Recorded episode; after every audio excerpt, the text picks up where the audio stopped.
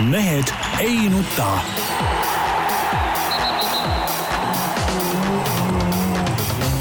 mehed ei nuta. tere teisipäeva, Mehed ei nuta eetris, aga paraku taaskord mitte otse sellepärast on igasuguseid komplikatsioone ja Peep on millegipärast Lõuna-Eestisse põgenenud. ja, ja kusjuures ta sundis mind minema just täpselt saate ajal vaatama orienteerumise MM-i, nii et paraku Peep no me oleme siin hurjutanud äh, kõigepealt jalgrattureid, nüüd korv, siis korvpallureid selle eest, et erinevad üritused, mida me peame kajastama, olid meie saate ajal. nüüd Peep, sa ise oled saboteerinud meie otseülekannet. igatpidi kuidas nii, minu arust saab hurjutada orienteerumise maailmameistrivõistluste korraldajaid, nad on ajakava teinud eh, halvasti. miks no. teisipäeval ei ole puhkepäev, miks teisipäeval toimub võistlus, selles on küsimus. jah, kõikidel võistlejatel peaks olema kohustuslik kusjuures kuulata ka välismaalastel. absoluutselt Peep, aga räägi, mida sa nüüd teed tööajast, meie siin rügame palehigis ja sina nüüd peesitad äh, sealsamas Käärikul taaskord. kuurordis kui ma nüüd vaatan aknast välja, okei okay,, praegu isegi on natuke päikest näha, aga teisiti seda nimetada muidugi ei saa, et eh, täna hommikupoole kallas vihma nagu oavarrest ja mis ma siin teen, no eks ma ikka korvpalli eh, järelkasvu siin utsitan ja täna hakkas siis eh, Keila poiste hooaeg pihta, kolmas juuli, paras aeg alustada hooaja ettevalmistusega. no ja kuidas vormid on, on poisid trenni ka teinud või on ikka rohkem krõpsu peal olnud? No natuke on näha, et mõni mees on nagu ikka valmistunud ka laagri jaoks ja mõni mees on tulnud küll puhta siukse saia ja limonaadi peal. Peep, aga tee mulle nüüd selgeks, tähendab, mina mäletan omast vanast ajast, eks sellel ajal olid äh, vähemalt kalevlased olid kindlasti sealsamas täpselt Kääriku laagris, olid veel mitmed äh, nii-öelda korvpalli meistriliiga meeskonnad. ma arvan, et sul on ka seal Tartu Rock kuskil äh, rügab kuskil paremal ja Pärnu rügab vasakul ja ja, ja BC Kalev on ka kindlasti Graamo kuskil, on nii või? no siin äh, rügavad praegu mingid äh, noored tennisistid, äh, siis on siin judopoisid, sada, sada judopoissi ja, ja, ja siukseid tegelasi on küll, aga Graamot, Rocki ja, ja muid kossusatse ei ole, ei ole kahjuks näha. aga tegelikult vot Käärikule sai see aasta valmis see uus hostel ja, ja sellega seoses on siin nagu see laagerdajate seltskond on päris kõvasti kasvanud, et nüüd eh, ma tean, et Jüri Ratas muidugi kuulab seda saadet ja Jüri Ratasele koputab kohe südametunnistuse peale, et, et kuule, Jüri, et nüüd on vaja ikkagi siin see pallisaal ka uus valmis ehitada, mis oli esialgu kavas ja kus valitsus nagu rahad tagant ära tõmbas, et, et, et trenni ei ole kuskil teha, noh. et selle asemel, et siin mingit tilulilusid korraldada ja kuskil, ma ei tea, mingeid Euroopa eesistumisi teha, võiks nagu kõigepealt pallisaali korda teha, et siin Eesti inimesed saaks ka nagu midagi teha, sportida. no aga mõtle, mõtle Peep Juncker ja kõik, kes käisid meil siin noh. no mul on sellest Junckerist täitsa üks, üks munkel kõik lihtne värk tead noh. jah, poliitika, poliitikaminutid no, on ka hoobilt otsas. no ei, otsas ikka ei ole, sest Peep, sinu poisid ikkagi on ka nüüd pilti pääsenud, et äh, said piruka juurde nüüd juba sehkendavad seal katuserahadega, annavad keskile mingeid äh, hääli kuskil, saavad äh, sada tuhat või palju nad said vastu ja mis sa arvad, mis sa tahad öelda, et kas sa tahad öelda, et poliitikas asjad niimoodi ei käi, niimoodi käivad kogu aeg. ei, ma sain aru, et... ma sain aru, et sinu poisid on nagu õigemad mehed, puhtamad mehed. aga mis, aga mis seal siis musta oli nüüd? Ei olnud või? mis seal musta oli, aga mis seal musta oli? Tarmo, kas ma tohin Peepu kaitsta? tohin ma Peepu kaitsta? oota ja, oota ja, ma kõigepealt kaitsen ise. katuserahad on ju eh, poliitikute poolt eh, vabatahtlikult eh, jagatav raha. keegi ei saa püssiga ju sundida neid keskerakondlasi Keskerakonda seda raha EKRE meeste soovide järgi jagamas, nii et noh, vabatahtlikult on nad seda jaganud, noh, midagi teha ei ole. Noh. ja, ja ma Peebule lisaks veel selle, et lollidelt tulebki raha ära võtta. Absoluutselt, absoluutselt no. ja targad ja targad kusjuures võtavad lollidelt see raha ära.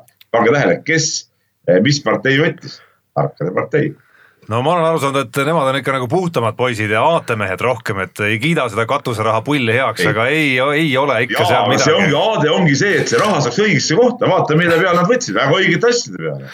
see on puhas aade, siin ei ole midagi rääkida. võimas. kuule. mul tuli pisar silma kohe nüüd. Uhke, uhke, uhke vähe. kahelt poolt tilgub, kahelt poolt tilgub.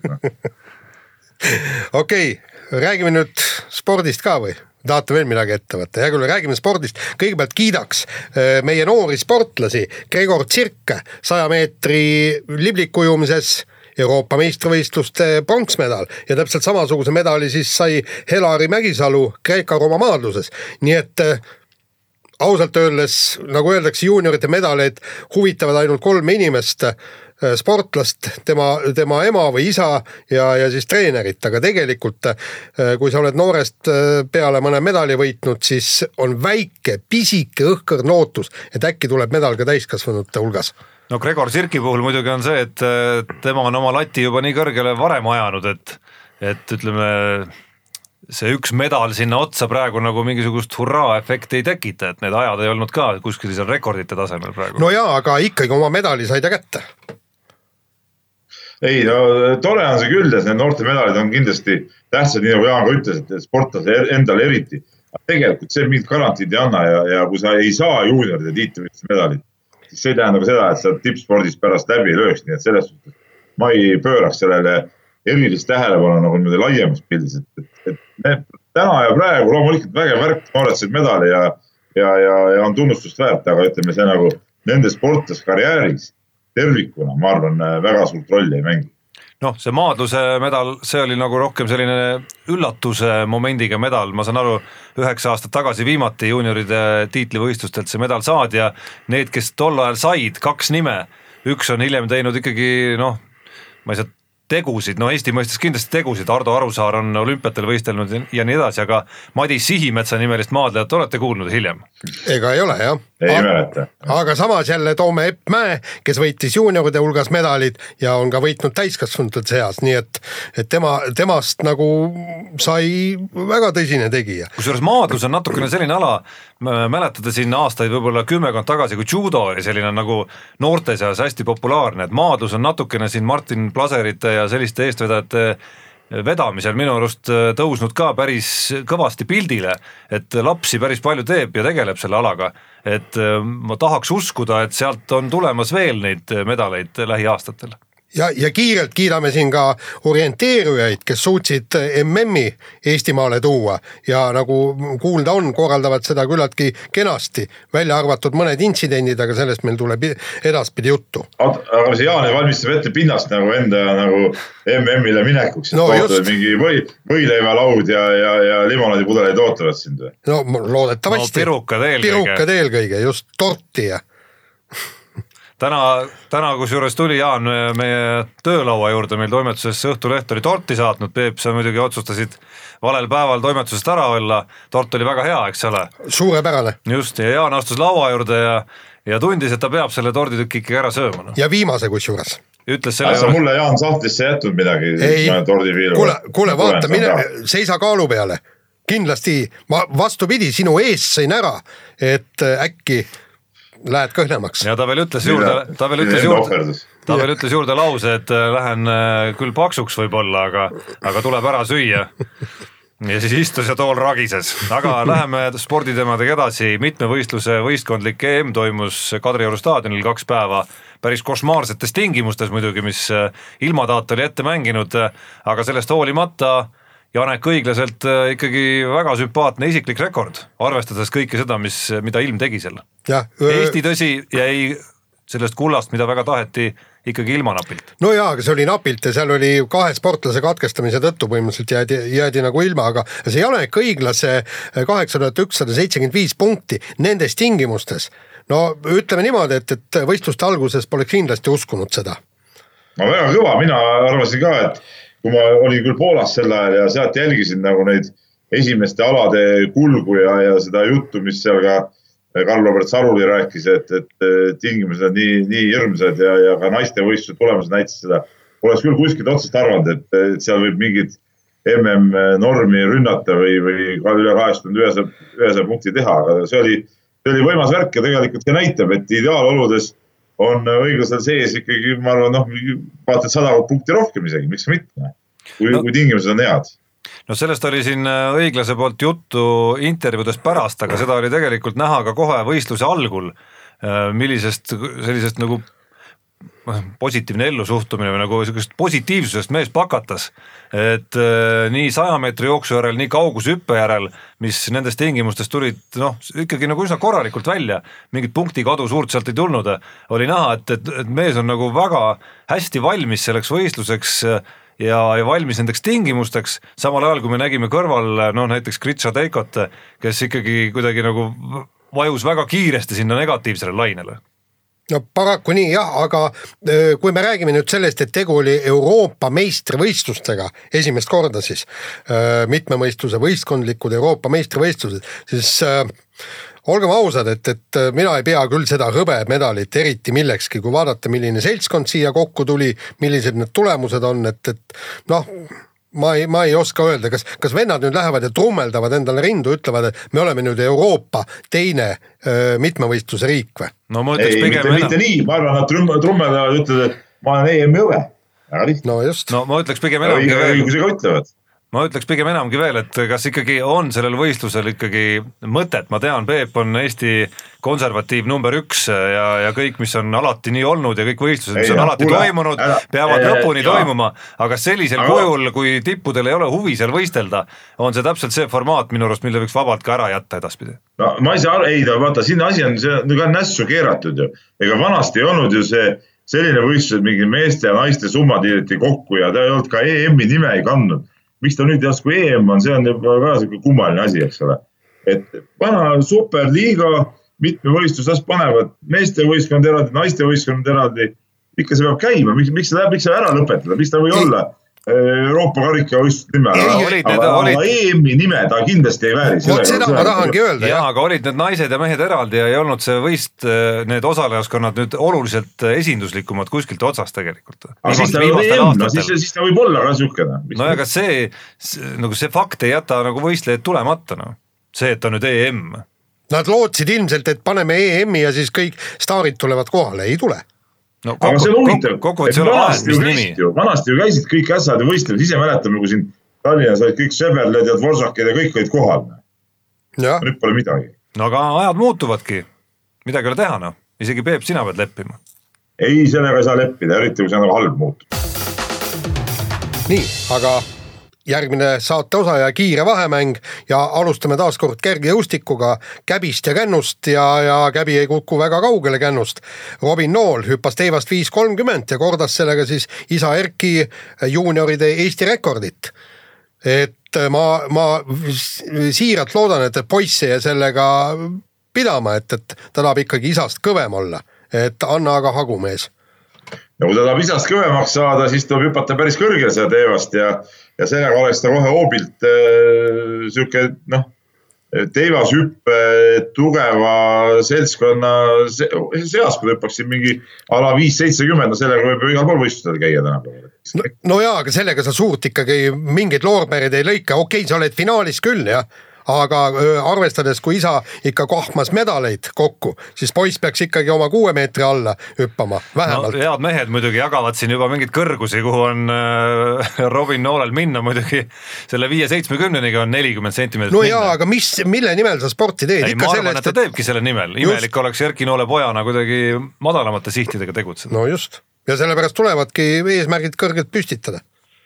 et selles mõttes on sellel äh, ütleme, kui sellel väga kõva sportlase pojaks olemisel on teatud varjuküljed alati olemas, siis üks äh, positiivne külg on muidugi alati, see on see, et sul on nagu taustsüsteem selline, kus sa mõtled ikkagi ainult väga kõrgete sihtide näol, nii nagu Leedu korvpallurid ütleme, elavad teadmises, et äh, nad on tegelikult noh, ikkagi alati võimelised ükskõik mis koosseisuga medaleid võitma, ükskõik kus aga vahetame teemat. Kail Piho, meie kahevõistleja, käis kümnepäevases vaikimislaagris. huvitav, mis asi see on ja, ja teiseks huvitav, kas Peep ka suudaks selle läbi teha? Kusjuures Peep isegi suudaks, ma arvan, Jaan ei suudaks. mina, mina mina oleks rahulikult, milles küsimus, mis see, mina ei ole sihuke, kes peab kogu aeg late, laterdama ja jutustama. Kaugel sellest, ma võin rahulikult nädal aega mitte midagi rääkida, mitte mingit probleemi ei ole. et minu arust Jaan on see mees, et hakkab jälle mingit lugu rääkima, siis selgub, et ta on seitse korda seda rääkinud juba kümne aasta jooksul. ei no ta on jaa nii, vähe lugusid, vaata Tarmo, tal on nii vähe neid lugusid, seepärast peab kogu aeg kordama neid. ei no aga siis oleks väga lihtne, ma lindistaks need lood ära ja mängiks need niisama ette, aga samas Tarmo, sul oli väga õige tähe- tähelepanek, et selle asemel, et vaikimislaagris käia, võiks Piho minna hüppelaagrisse, ta ikka Suusamäel ei saa hakkama. no võib-olla see vaikimine aitabki nagu hüppeasjaga korda noh. no põhimõtteliselt seal oli ka mediteerimine ja kõik muu värk vot, vot, vot siin hakkab tulema, vot sellepärast ma siukseid asju ei armastagi, mingi mediteerimine, ma ei tea, see läheb kõik sinna. No psühholoogia on nõrkadele, Peep, jah. Sõõrumaa tsunfti kanti kõik see käest kinni hommikuti seal ja äh, hurraa, hurraa ja et ei, ei, see ei lähe mitte minu arust, noh. seda tead nagu mõtet, võib rahulikult võib inimene ära, aga mitte rääkida, aga mis mõte seal on, mitte mingit mõtet, see on sama hea, kui mõni ütleb, et kuule, ma nüüd kuu aega ei joo, no mi- mis siis, mis kuu aega joo ja siis jood eh, pärast kolm kuud oled kogu aeg jokk, mis mõte seal on, et vahepeal kuu aega joo? totter, no ei, Peebu puhul jääb vist igaveseks, psühholoogia on nõrkadele, nagu ma aru saan jah. absoluutselt õrkadele, mees peab olema metsapull kogu aeg. okei võtame nüüd järgmise teema ja räägime, no vot nüüd Peep, ütle sa ka nüüd sõna jälle sekka. Tarmo Rüütli, meie kuulus ja legendaarne, ma ütleksin, jalgpallitreener, ütleb, et naaseb tippjalgpalli vaid siis, kui keegi ähvardaks talle peksa anda. et kuule, oota, Tarmo, Tarmo ütles, et mul on hoopis mingi muu, muu küsimus, et mis, mis pulli ta nende valimistega tegi? No ta teeb poliitikat noh. jah, kord on, kord ei ole, noh. väga lihtne tavaline poliitika tüüpiline poliitika, ei selles suhtes see on õige tähelepanek muidugi Tarmo, et selle peale ma isegi ei tulnud, et Tarmo Rüütlist ongi saanud juba hoobilt tüüpiline poliitik. täna räägin nii, homme naa ja kõik on nagu õige kogu aeg. no aga valimisteni on aega veel, jõuab ju veel mõne nii-öelda mingisuguse käänaku või, või haagi teha. Aga mis see Rüütel siis selle jalgpalli vastu ikkagi on, sellest, sellest ma nagu aru ei saa. ta jah, juhendab mingi neljanda liiga satsi täitsa oma lõbuks, aga tegelikult no minu meelest on täitsa kahetsusväärne, et väga hea treener jääb nagu ise oma öö, soovil kõrvale sellest eh, nii-öelda E- Eesti tippjalgpallist. no siin on muidugi see nüanss on, et äh, ma loen seda Rüütli otsetsitaati, et ta räägib tippjalgpallist ehk siis Eesti liiga, noh, see ju ei ole veel tippjalgpall. No mitte Eesti liiga, vaid Eestis üldse pole tippjalgpalli. no selles mõttes nagu Eestis naasmine tundub, Ei, et ma- ma saan võib, ikkagi võiks aru. ikkagi nagu kõne alla tulla. ei, ma ikkagi saan aru, et, et jutt käib ikkagi Eesti jalgpallist, et et, et kahju. aga vahetame veel teemat, me siin mainisime korduvalt orienteerumise maailmameistrivõistlusi, kuhu Jaan on homme suundumas ja ja peame rääkima ühe kurioosse loo siis selle MM-i algushetkedest, nimelt võistluse korraldajad pidid viimasel hetkel hakkama siis tegema ümber kvalifikatsioonivõistluse äh, jooksutrassi, sellepärast et äkitselt äh, ühe korteriühistu ma ei tea, juhtkond või juht otsustas, et et ta ikkagi ei lase jooksjatel läbi oma korterelamu, ma ei tea, aia või värava joosta. ja muide, siin tuli meil kohe küsimus, huvitav, kui orienteerujad tuleks ja ütleks Peebule, et kuule, jõu, tohib, et me jookseme sinu hoovist läbi Roosi tänaval. Roosi tänaval, mis, mis sa neile ütleksid, ma, ma miskipärast arvan, et sa laseksid koerad neile kallale kogu sellele kambale. kaugel sellest, kaugel sellest, Jaan. vaata, kui need on Eesti mehed, ütlevad, et kuule, Peep, tule, me, me tahame siit läbi joosta, palun, võtan isegi aia lahti, et teil oleks parem joosta sealt, et miks mitte, panen koera ketti isegi korraks. sellest ma olen lahke mees, aga vaata, kui need NATO lennukid mul seal maja kohal lendavad, nende peale ma olen kuri. Need urisevad, aga jooksja, see läheb sihkad-suhkad sealt läbi, ta ei tee mingit häält, mitte midagi. las läheb. no jaa, aga ta tallab su kapsad ära, mis naine ütleb Ei. selle peale? ei ta see ongi hea, ei pea koristama pärast saama. ja muru samamoodi niitma ei pea, vaata pärast seda, kõik, kõik on kõik on maha tallatud. nii ei, muru tahabki, ei no muru tahabki tallamist, see, et Tallinnas on mingisugused eh, mingid eh, aiakesed ette mõeldud, ärge muru peal kõndige, vaata mingi linnainimeste sihuke mingi jabur, jaburad eh, siuksed laused on, et muru peal kõndimine keelatud ja kes muru peal kõnnib, on eesel ja see on ju lollus ju. muru tahabki tallamist saada, see on ju iga inimene teab seda. Peep No no,, huvitav, huvitav, kuidas Wimbledoni turniiri ajal siis äh, saaks, et tennist võid mängida, aga murule astuda ei tohi, et mängid sinu, absoluutselt, muru peal oled eesel oled kohe, kui tahad, tahad seal palju. no nüüd sai Peep muidugi jälle vahele võetud selles mõttes, et alles täna hommikul, kui me olime ühenduses Ralli stuudio asjus, siis äh, kurtis mees äh, ja lamentis, mismoodi ikkagi tantsijad jälle tallasid ära selle Kalevi staadioni muru, mida nad tegelikult Jaa, väga ei tallanud ära aga vaat, muru tahabki tallamist, Peep ju. ei, tallamist ei taha, ta tahab seda tampimist nagu natuke. no tampisid siis, no see sulle ei sobi, näed noh. Ei no liiga palju, vaata, vaata ega ükski asi peab, ei ole liiga palju ei ole hea, peab olema mõistuse piires. selge see, et see tantsutrall oli nagu liiga palju. Õnneks üks etendus jäi ära. no ei, ei sobi Peep ja kultuur kokku kuidagi. ma olen väga kultuurne, ma olen see aasta juba käinud vaatamas ühte etendust ja ma lähen veel eh, mitut etendust vaatama, see aasta on plaanis. see suvi, see suvi kuule, ära üle pinguta, Peep. kuule, Peep, äkki ma ostan sulle Arvo Pärdi piletid septembri alguses, ma lähen kuulama. vaata, vaata Pärdi muusika mulle meeldib, sellega, see on, see on nagu liig, mis liig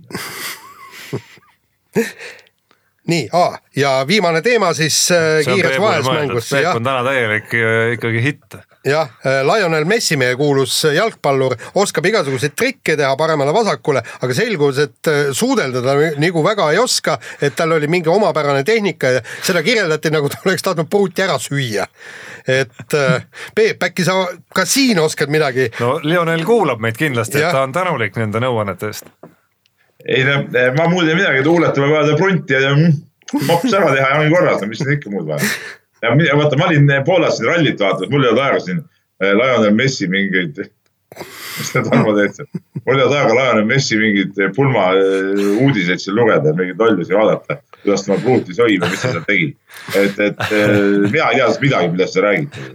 no ma tean igatahes nii palju, et see aga see, kuidas mopsu teha, seda ma tean küll. selge, ma tean igatahes nii palju ka, et see demonstratsioon, mis sa tegid praegu, see läheb viraalseks igatahes. jah see on, see on kõva. nii, aga sellega kiire vahemäng läbi. saate kolmas osa. Tarmo, lõpeta itsitamine ja võta kirjad ette, sina oled meil kirjakana või? nii ja mul on au täna, täna siis äh, Peebu roll enda peale võtta ja ja no alustame Peebust jällegi üks, üks sihuke lõbusam, lõbusam küsimus, kui siin Peep juba nagu soone peal on, et et on küsitud meilt äh, Peebu käest sellist asja, Peep, kes on siis Poolast tulnud ja küsimus kõlab äsja Silesia ristiretkelt tulnuna, ole hää ja pajata, mitu tukatit Masurski vojevoodkonnas Katoobi õlle eest küsitakse. Et noh, Portugalist tulles sai hea ülevaate ja võiks sellise ülevaate andmise ikkagi traditsiooniks kujundada, et kes reisile läheb, keelekaste on spordi lahutamatu osa ja sügisel tuleb ju märav vankri ette lüüa ja endalgi võrgupoiste rõõmuks Gdanskisse kablutada, teab siis kukru valmis kaaluda. seal midagi kaaluda eriti ei ole, ütleme nii, et üliodav, üliodav, kes tahavad minna kuskile väljamaale turismireisile, minge sinnapoole, sõitke natuke üle piiri, Suvalki, Augustov, sealt tõmmake paremale sinna Sopoti poole. Ja, ja seal on kõik järvede vahel on need kuurordid nii odavad. No me käisime, mul oli poiss ka kaasas, õhtul käisime söömas, suured vägevad praed, ma tegin ma ei saa rääkida, kui Tarmo seal nalja teeb. suured vägevad praed, eks ole, tegin paar õlut ka ära. Ja poiss sai seal mingit pahvla ja äh, eurodes, no tuli seal võib-olla kaksteist, viisteist eurot, noh, et, seal ei olnud nagu mingi, väga odav oli kõik, väga odav. ja õlu oli, võin öelda küll, no sellised Poola slotid, nendel on veel oma raha millegipärast Nad ei olegi Euroopa Liidus, minu arust on, mis oma raha seal on. ja, ja see on, kurss on neli, neli midagi ja, ja, ja õlu maksis eh, seal ütleme sihukeses söögikohas, väga soliidses söögikohas oli kuus ja, ja kuus-seitse slotti ehk siis natuke üle, üle, üle euro oli siis ütleme söögikohas, aga poes oli muidugi odavam nii, aga siit sujuvalt saab minna edasi küsimusega, mis puudutab ka Poola maad.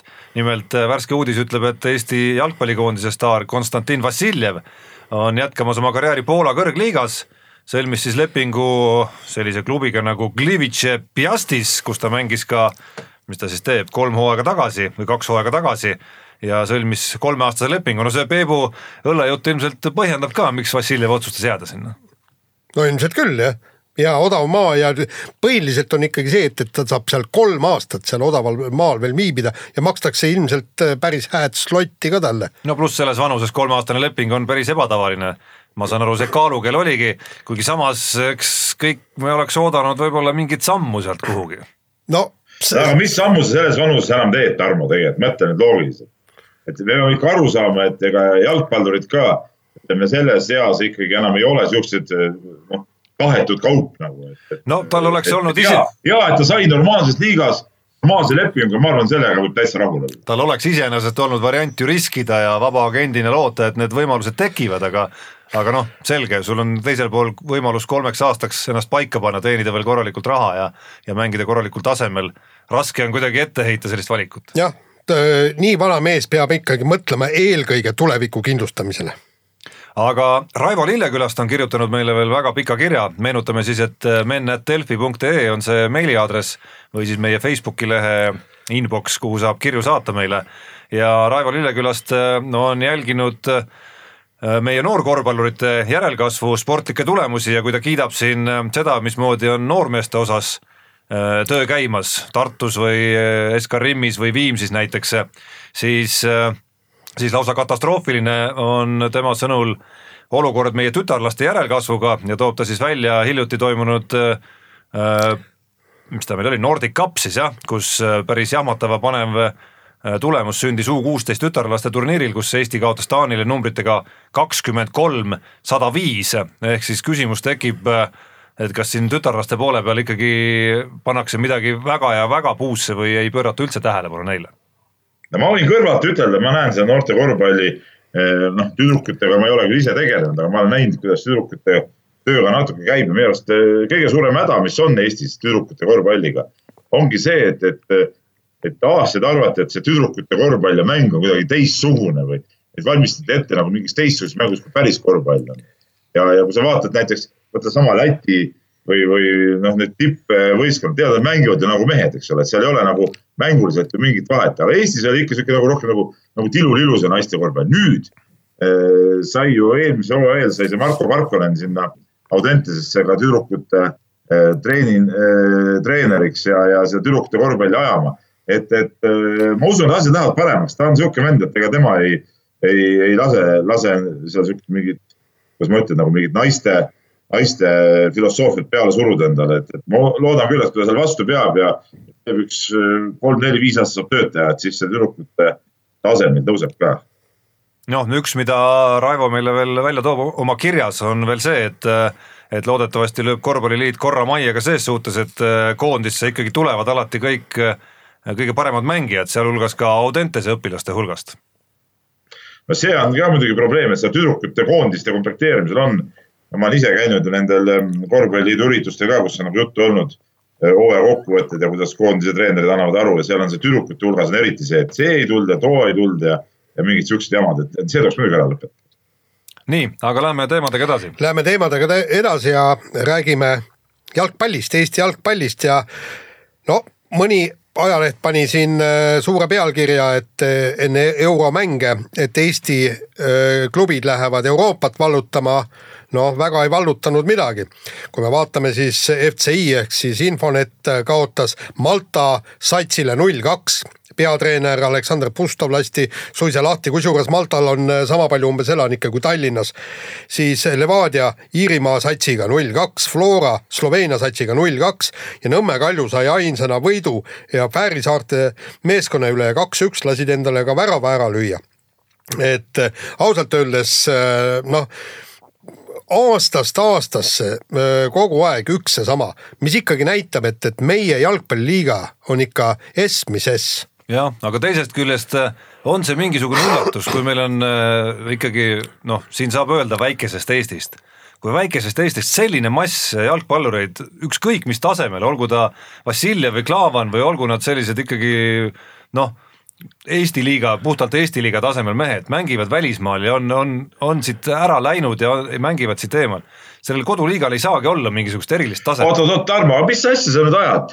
mis, mis vennad nüüd seal Malta klubis või, või Fääri saarte klubides siis mängivad, nii, nii kõvad mehed, et isegi need meie praegused äh, vennad, kes siin Eesti liigas on, ei saa vastu. meil on ka mingid leevatöörid, kes mitte mingid brasiillased jooksid siin mingis võistkondades ringi ja ma ei tea, siin kirjutas küll nagu superlugusid mingitest äh, tüüpidest, et see on, noh tegelikult äh, päris nii ju ka ei ole, et, et ei peaks, minu arust on ikka lihtsalt lihtsalt on tase nõrk, aga me ei saa nagu nõustuda selleks, et tase, et see tase nii nõrk on. no ma ei julge pead anda, aga samas julgen ka, et kindlasti Malta mängijaid Maltast väljaspool nii palju ei mängi, aga mis konkreetselt seda Maltat puudutab, no siis see oli nagu ikka räige tööõnnetus. eks treener sai ka kohast lahti selle peale no,. FCI, Infonet, Tallinn, mis iganes meeskonna nimest me räägime siin praegu. jaa, aga vaata siin, siin ongi ju räägitud, kes, kes see kuskil just äsja kirjutas, et, et meil ei jätku häid jalgpallureid Eestis kümne meeskonna peale laiali jagada et, et tuleks seda suppi natukene tummisemaks muuta ja minu meelest on siin kogu see filosoofia kuskilt maalt logiseb.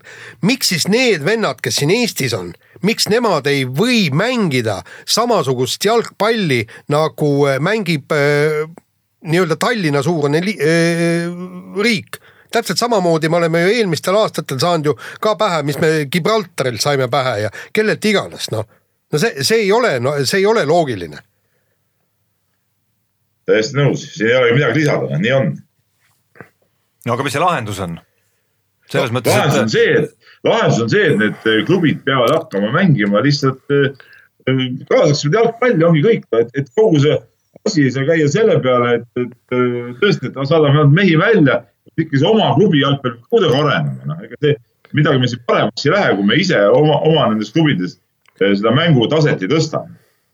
no ma ei tea, võib-olla jällegi on see natukene nüüd no ma ei tea, no numbrid räägivad ühest küljest nagu ühte väga selget keelt, teisest küljest oleks äh, seesama Infonet teinud ära selle, mida nagu elementaarselt oleks oodanud neilt ja mida nad peaksidki tegema, hoolimata sellest, et meil on mitukümmend jalgpallurit välismaal siis selle koosseisuga ikka oleks pidanud tegema, ehk et saanud jagu sellest Malta klubist, siis noh, me ei räägiks mingist draamast siin praegu. ei no jaa, Tarmo, nad ei saanud kaotab, jagu ja, see, ja pole ükski aasta Eesti klubid kellestki jagu saanud et see, et Flora kaotab Tomsalele, noh, see, see on elementaarne tegelikult. no miks ta, miks ta peab olema elementaarne, mis siis Sloveenia on siis mingi maailmasuurune riik või? no Sloveenia ei, spordiriik, spordi no, mõttes on küll jah oota, Tarmo, aga Sloveenia jalgpallurid mängivad kõik koduliigas või? ei, seda mitte aga Sloveenia, me teame ise, me oleme rääkinud korduvalt sellest, me ei saa ennast Sloveeniaga võrrelda. ei oota, jalgpall, jalgpall on tegelikult nagu riik riigis. Eesti jalgpall ei ole ka Eesti spordisüsteemi osa, see on hoopis teine planeet. Neil on jalgpalliliidus viiskümmend inimest tööl. Neil on noortesüsteemid, kõik, kõik on paika pandud. me ei saa öelda nüüd, et Sloveenia spordisüsteemi tulemusena on jalgpall nii kõva aga miskipärast ei ole meil Sloveeniaga mingeid võrreldavaid tulemusi, ka jalgpallis mitte. no vot, aga siis tulebki minna uurima, miks nemad saavad niivõrd hästi mängida ja miks meie ei saa ja lõppkokkuvõttes võtke siis need eh, spordiala juhid kokku ja minge siis riigi juurde ja tehke see asi selgeks. miks peab ajakirjanik kogu aeg kirjutama, et kuidas, et eh, tehke ühte, proovige üht spordisüsteemi juurutada, teist spordisüsteemi, see ei ole ajakirjaniku asi, see on spordiinimeste enda asi. Nad räägivad ju kogu aeg, et, et Eestis ei ole äh, jalgpallihalle kus äh, talvel harjutada. no pagan, kes siis peab ja öö, äh, ajakirjanik peab nende eest muretsema või? ei pea ju. no oleks hea küll võib-olla, aga vahetame teemat äh, vehklemisant on meil jätkumas, Jaan, sinu üks leivaalasid oled saanud kirjutada sellest teemast oi-oi kui palju, kuidas on valitud Vehklemisliidule uusi juhtorganeid ja tundub, et neid tuleb varsti uuesti hakata valima. no nagu selgub jah, teise astme kohus andis mõista, et kaks klubi ehk siis Iirem ja Musketär on võetud Vehklemisliidu liikmeks ebaseaduslikult kuna nad ei täitnud tol hetkel teatud tingimusi, noh, et ei, ei osalenud võistlustel ja nii edasi, nii edasi. ehk siis nüüd tuleb need kaks klubi välja heita ja nüüd vastaspool ehk siis see B-eksport, kes asja kohtusse andis, nõuab, et tuleks korraldada uued valimised ilma nende kahe klubi osavõtuta, sest tegelikult noh, kui me paberil vaatame tõesti, äh, president ja juhatus valiti äh, äh, tänu, no ma ei tea, kas tänu, aga igal juhul nende poolt hääletasid nii Musketär kui Iirem. ja, ja no nagu vastaspool ütleb, talupoja loogika ütleb nii, et, et nüüd tuleb uued valimised ja tuleb taastada tolle hetke olukord, ehk siis ilma nende kahe klubita. no samas asja totrus on muidugi see, et et nüüdseks eh, on need klubid ju mõlemad ka reaalselt nagu töös, et võib öelda küll, et, et sel hetkel nad nagu ei tegutsenud võib-olla sellisel kujul, et nad võiksid sinna alaliitu kuuluda, aga praegult ju, ju minu arusaamade põhjal seal nagu, nagu töö käib ja, ja, ja, ja klubid on täitsa tegevad just, aga no vot siin nüüd peavadki juris, juristid äh, asjasse sekkuma, et tähendab, äh, mulle käidi niisugune versioon, et nüüd me valime ilma nende kahe klubita uue äh, juhatuse, uue presidendi, ilmselt siis tundub, et president vahetub, juhatus vahetub ja siis nüüd see uus juhatus võtab vastu selle. või ei võta vastu. või ei võta, no ilmselt võtab. no nad ei saa keelduda, ega nad ei saa keelduda, kõik tingimused on täidetud tegelikult, ei ole põhjust keelduda. jah, aga, aga totter on see, et need klubid tõesti tulebki välja heita, aga jah, kohus vaatas kõiki neid ähm, tingimusi selleks, et astuda liikmeks ja, ja seal olid tõesti, tähendab, ta oleks pidanud enne, enne juba osalema võistlustel ja osalema ala, alaliidu töös ja kõik nii, et mida ei oleks tegelikult äh, klubi, kes ei kuulu alaliitu, ei saagi neid tingimusi täita üldse.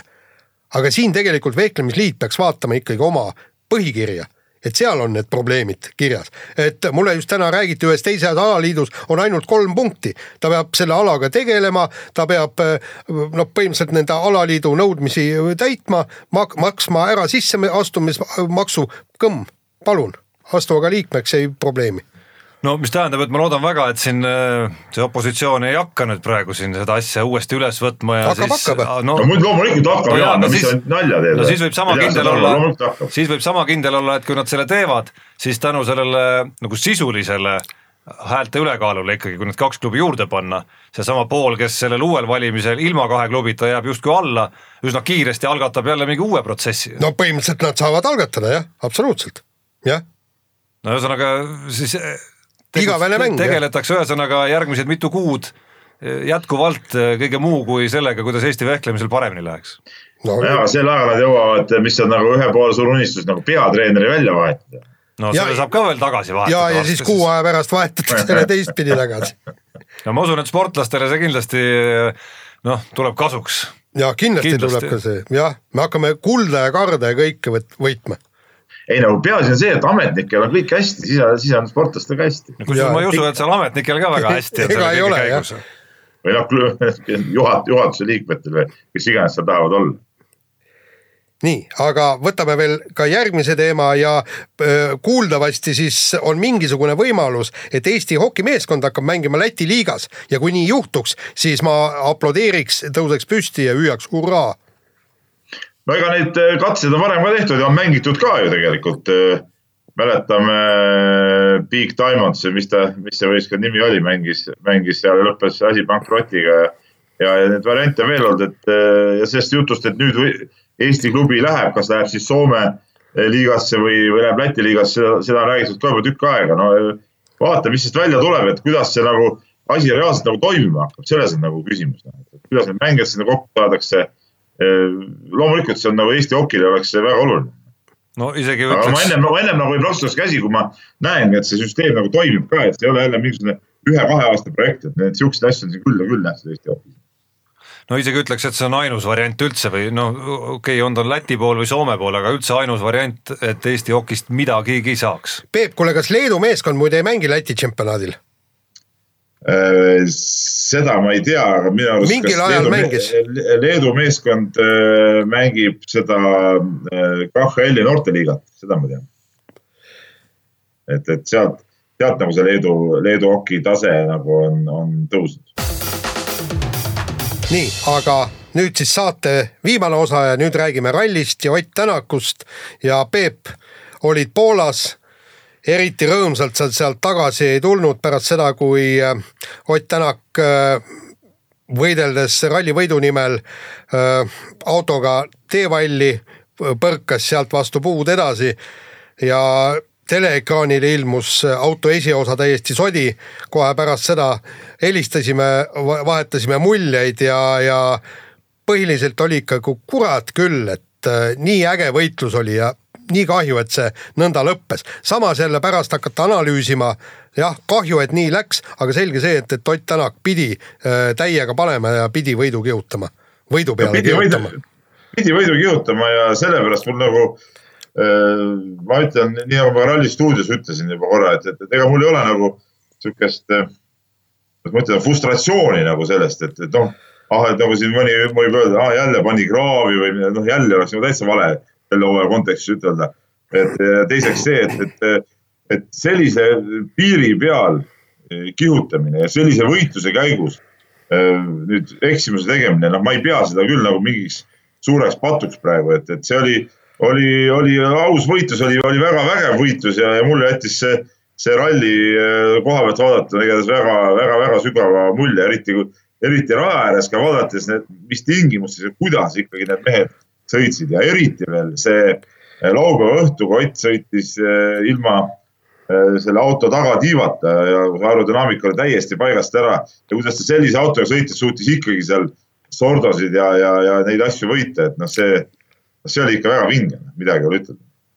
No huvitav tundus, et see oli ka tiimi poolt siis väga selgelt aktsepteeritud ja käsud kätte antud, sest ükski, ühtegi signaali ei tulnud ka sealtpoolt pärast et, et kuidagi midagi pahasti oleks, sest konstruktorite arvestuses võinuks ju Malcolm Wilson päris pahane olla, et sealt punktid kaotsi läksid. ütleme niimoodi, et, et konstruktorite karikas tõesti võib-olla Wilsonite tiime huvitab, aga, aga mitte niivõrd kui äh, võidusõitjate või ehk siis individuaalne äh, meistritiitel ja seal oli nüüd selge, et äh, Ott Tänakule ma arvan, et anti käsk kätte, anna kets ja proovi Neuvillist äh, eespool olla, sellepärast et praegu ju käib MM-tiitlile võitlus Neuvilli ja Ogieri vahel.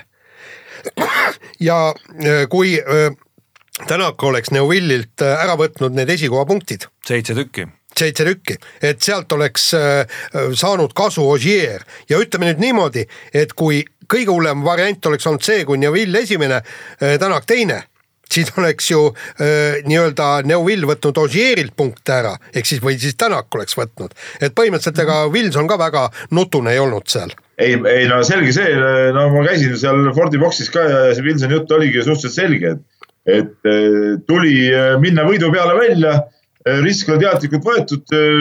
keegi pidi sihukeses olukorras, noh oli loogiline, et keegi sihukeses olukorras eksib, kahjuks oli, oli Ott ja ongi kõik, ega siin midagi teha polegi ja, ja sihukeses olukorras eksitaksegi seda on näidanud, noh, kõik, kes rallit natukenegi jälgivad, teavad, et siukseid asju juhtub ja, ja kõik, kes on videot näinud, noh, näevad ju ära, et, et seal noh, oli, oli mudasem, keegi ei teadnud seda ette, noh, nii ongi lihtsalt, et aga, aga see, et võidelda tuli, see oli selgelt loomulikult Vinsoni poolt aktsepteeritud otsus. üks, üks küsimus, mis jääb, te saate nüüd äh, rallipededena vastata sellele, et, et kas tõesti ikkagi on nii, et äh, Ott peab natuke rohkem riskima äh, võrreldes Terrine Villiga tulgu see no. siis autost või tulgu see kuidagi sõidustiilidest? ei, sõidustiilis ei ole küsimus, küsimus ongi võib-olla autos. ma küsisin sedasama küsimuse nii Oti käest kui ka, kui ka Martin Järveoja käest, ega nad kumbki nagu otse ei vastanud sellele, ütlesid, noh, pole ju sõitnud selle Hyundai'ga ja nii edasi. aga, aga samas nad möönsid nagu, et, et Neuvill on selle autoga ikkagi väga-väga kiire, et, et, et, et nii paraku on ja kui vaadata Hyundai'de sihukest eh, tempot ja asja, et siis, eh, siis on selge, et see Hyundai on, on väga hea auto selleks aastaks valmis saanud. ja, ja Neuvill on nagu oma elu vormis ka praegu, vaieldamatult. aga, aga minu jaoks oli natukene kummaline see, et, et vaata, kogu aeg räägiti ralli eel, et väga tihe võidusõit tuleb. et nii palju äh, soosikuid võidule kõik, kes, kes seal igasugused Mikkelsenid ja, ja, ja ära toodi ja lõppkokkuvõttes oli ainult kolm meest kes suutsid seda tempot hoida ja, ja täiega panna. Tänak, Neville ja Jari-Mati Latvala ja, ja isegi neljakordne maailmameister Sebastian Ogier ei suutnud ei no Ogier ei saanud seda masinat hästi paika ja, ja ei ole siis Citroen ka ikkagi saanud seda autot päris paika, et noh, ei ole loogiline, aga ei saa ütelda, et et Mikkelson, kes eelmine aasta Poolas võitis, et talle nagu Poola ralli sobiks või et ei oskaks seal sõita või ta ei julgeks seal sõita. seda ju kindlasti ei ole, eks ole aga, aga see auto lihtsalt ei, ei ole nagu piisavalt eh, hea ja võib-olla see seletab ka nüüd seda, miks Chris Meek on kõik korrad äh, ühe korra võitis, ülejäänud rallid on kõik katkestanud, sellepärast et ta on pidanud ilmselt selle autoga konkurentsis püsimiseks eh, üle võlli push ima ja ongi kõik.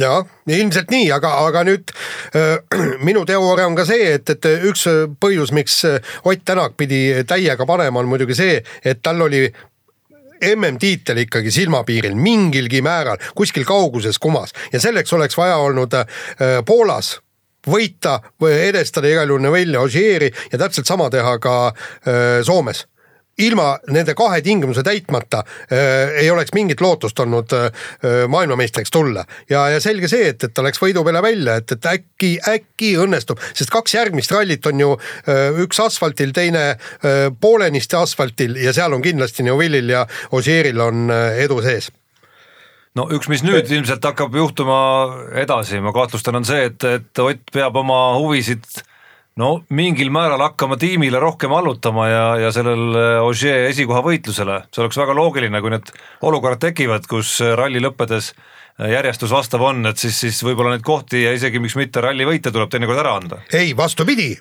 ma olen küllaltki, küllaltki selgelt arvan, et äh, Soomes antakse äh, Tänakule käsk kätte äh, võtta ära esikohapunktid. ja, ja kui Osi ja, ja kui Ogier ja, ja kui Ogier on teine, vot siis äh, no, tuleb ja siis tuleb see tiimitaktika, aga ma ei ole sugugi kindel, et Ogier suudab seal teiseks tulla. No tundub, et ta ei ole ka selle peal väljas hetkel väga, sest et Just. Äh, ma ei tea, Peep küll äh, rääkis muljest, et Ogier oli nagu väga närvis ikkagi selle üle, et tema autoseadistus ei saanud korda ja, ja ei liikunud ja käitunud nii, nagu ta oleks tahtnud. aga mulle tundub, et ta pigem nagu panebki kaardi sellele, et pärast Soome rallit tulevad tema rallid ja, ja no sellele ka kindlasti, aga, aga ilmselgelt ta ei olnud selle olukorraga päris, päris rahul, mis, mis seal äh, Poolas oli, see on ka selge. sest et ega see natuke käib ta seisuse pihta ka ja ta kaotas ikkagi ajaliselt väga palju. no ja mitte, ütleme mitte, mitte mitte lihtsalt, ma ei tea, Neville'ile või Latvalale, vaid ta kaotas ikka väga suurelt ka oma tiimikaaslasele, jälle kusjuures. jah, ja lõpuks ka Padon oli kiirem, Aiden Padon. aga lõpuks tema, tema oli poodiumil, Ott Tänakut ei olnud. ja, ja tema ikkagi ta on kõige suurem soosik veel maailmameistritiitlile jätkuvalt no,. absoluutselt, nii, aga sellega on meie saade seks korraks lõppenud. Peep tormab nüüd oma hoolealuseid äh, piitsutama. no ma küll mäletan, et ta pidi tormama, kas ta oli Otepääle enne kui alkopood kinni pannakse, aga aga räägi. see on, on alatu laim loomulikult, aga ei. Äh, pitsutatud juba on, tänane trenn kestis ikkagi ka siin kolm pool tundi on treenitud. tulekupäev, esimene päev, tipp-topp. täna võtsite rahulikumalt siis, ainult kolm pool tundi? võtsime rahulikumalt jah, ei no see oligi, ma räägin saate lõpetuseks selle huvitava äh, nüansi jälle, mis treenimist puudutab, et mul on Facebookis üks äh, Venemaa treenerist sõber, kellega oleme omal ajal ka päris palju mänginud üksteise vastu ja ta on Äh, oli Venemaa siis noorte talendilaagris ka treeneriks ja pani Facebooki siis pildi, et nüüd laager lõppes ja kirjas oli see treeningute aeg siis, et iga päev treeniti kaheksa tundi. noh, päris korralik värk. Noh. ei no see on normaalne ju. ei, ja ei Jaan, saad aru küll, see on normaalne küll, aga äh, ma tahaks näha, palju on Eestis neid võistkondi, korvpallivõistkondi näiteks, kes treenivad praegu suvel kaheksa tundi päevas no. see ei ole päris nii. ja aga vot nüüd ma küsin vastu, et, et kui palju meil on tippkorvpallureid Eestis võrreldes Venemaaga ja sealt võib-olla tulebki see vastus. nii on, nii et aga nüüd äh, ärge pidage mind rohkem kinni, ma lähen siis neid tunde nüüd täis tegema, et saaks, saaks treeningtunnid täis. ja kuulake meid nädala pärast. nägemist. mehed ei nuta.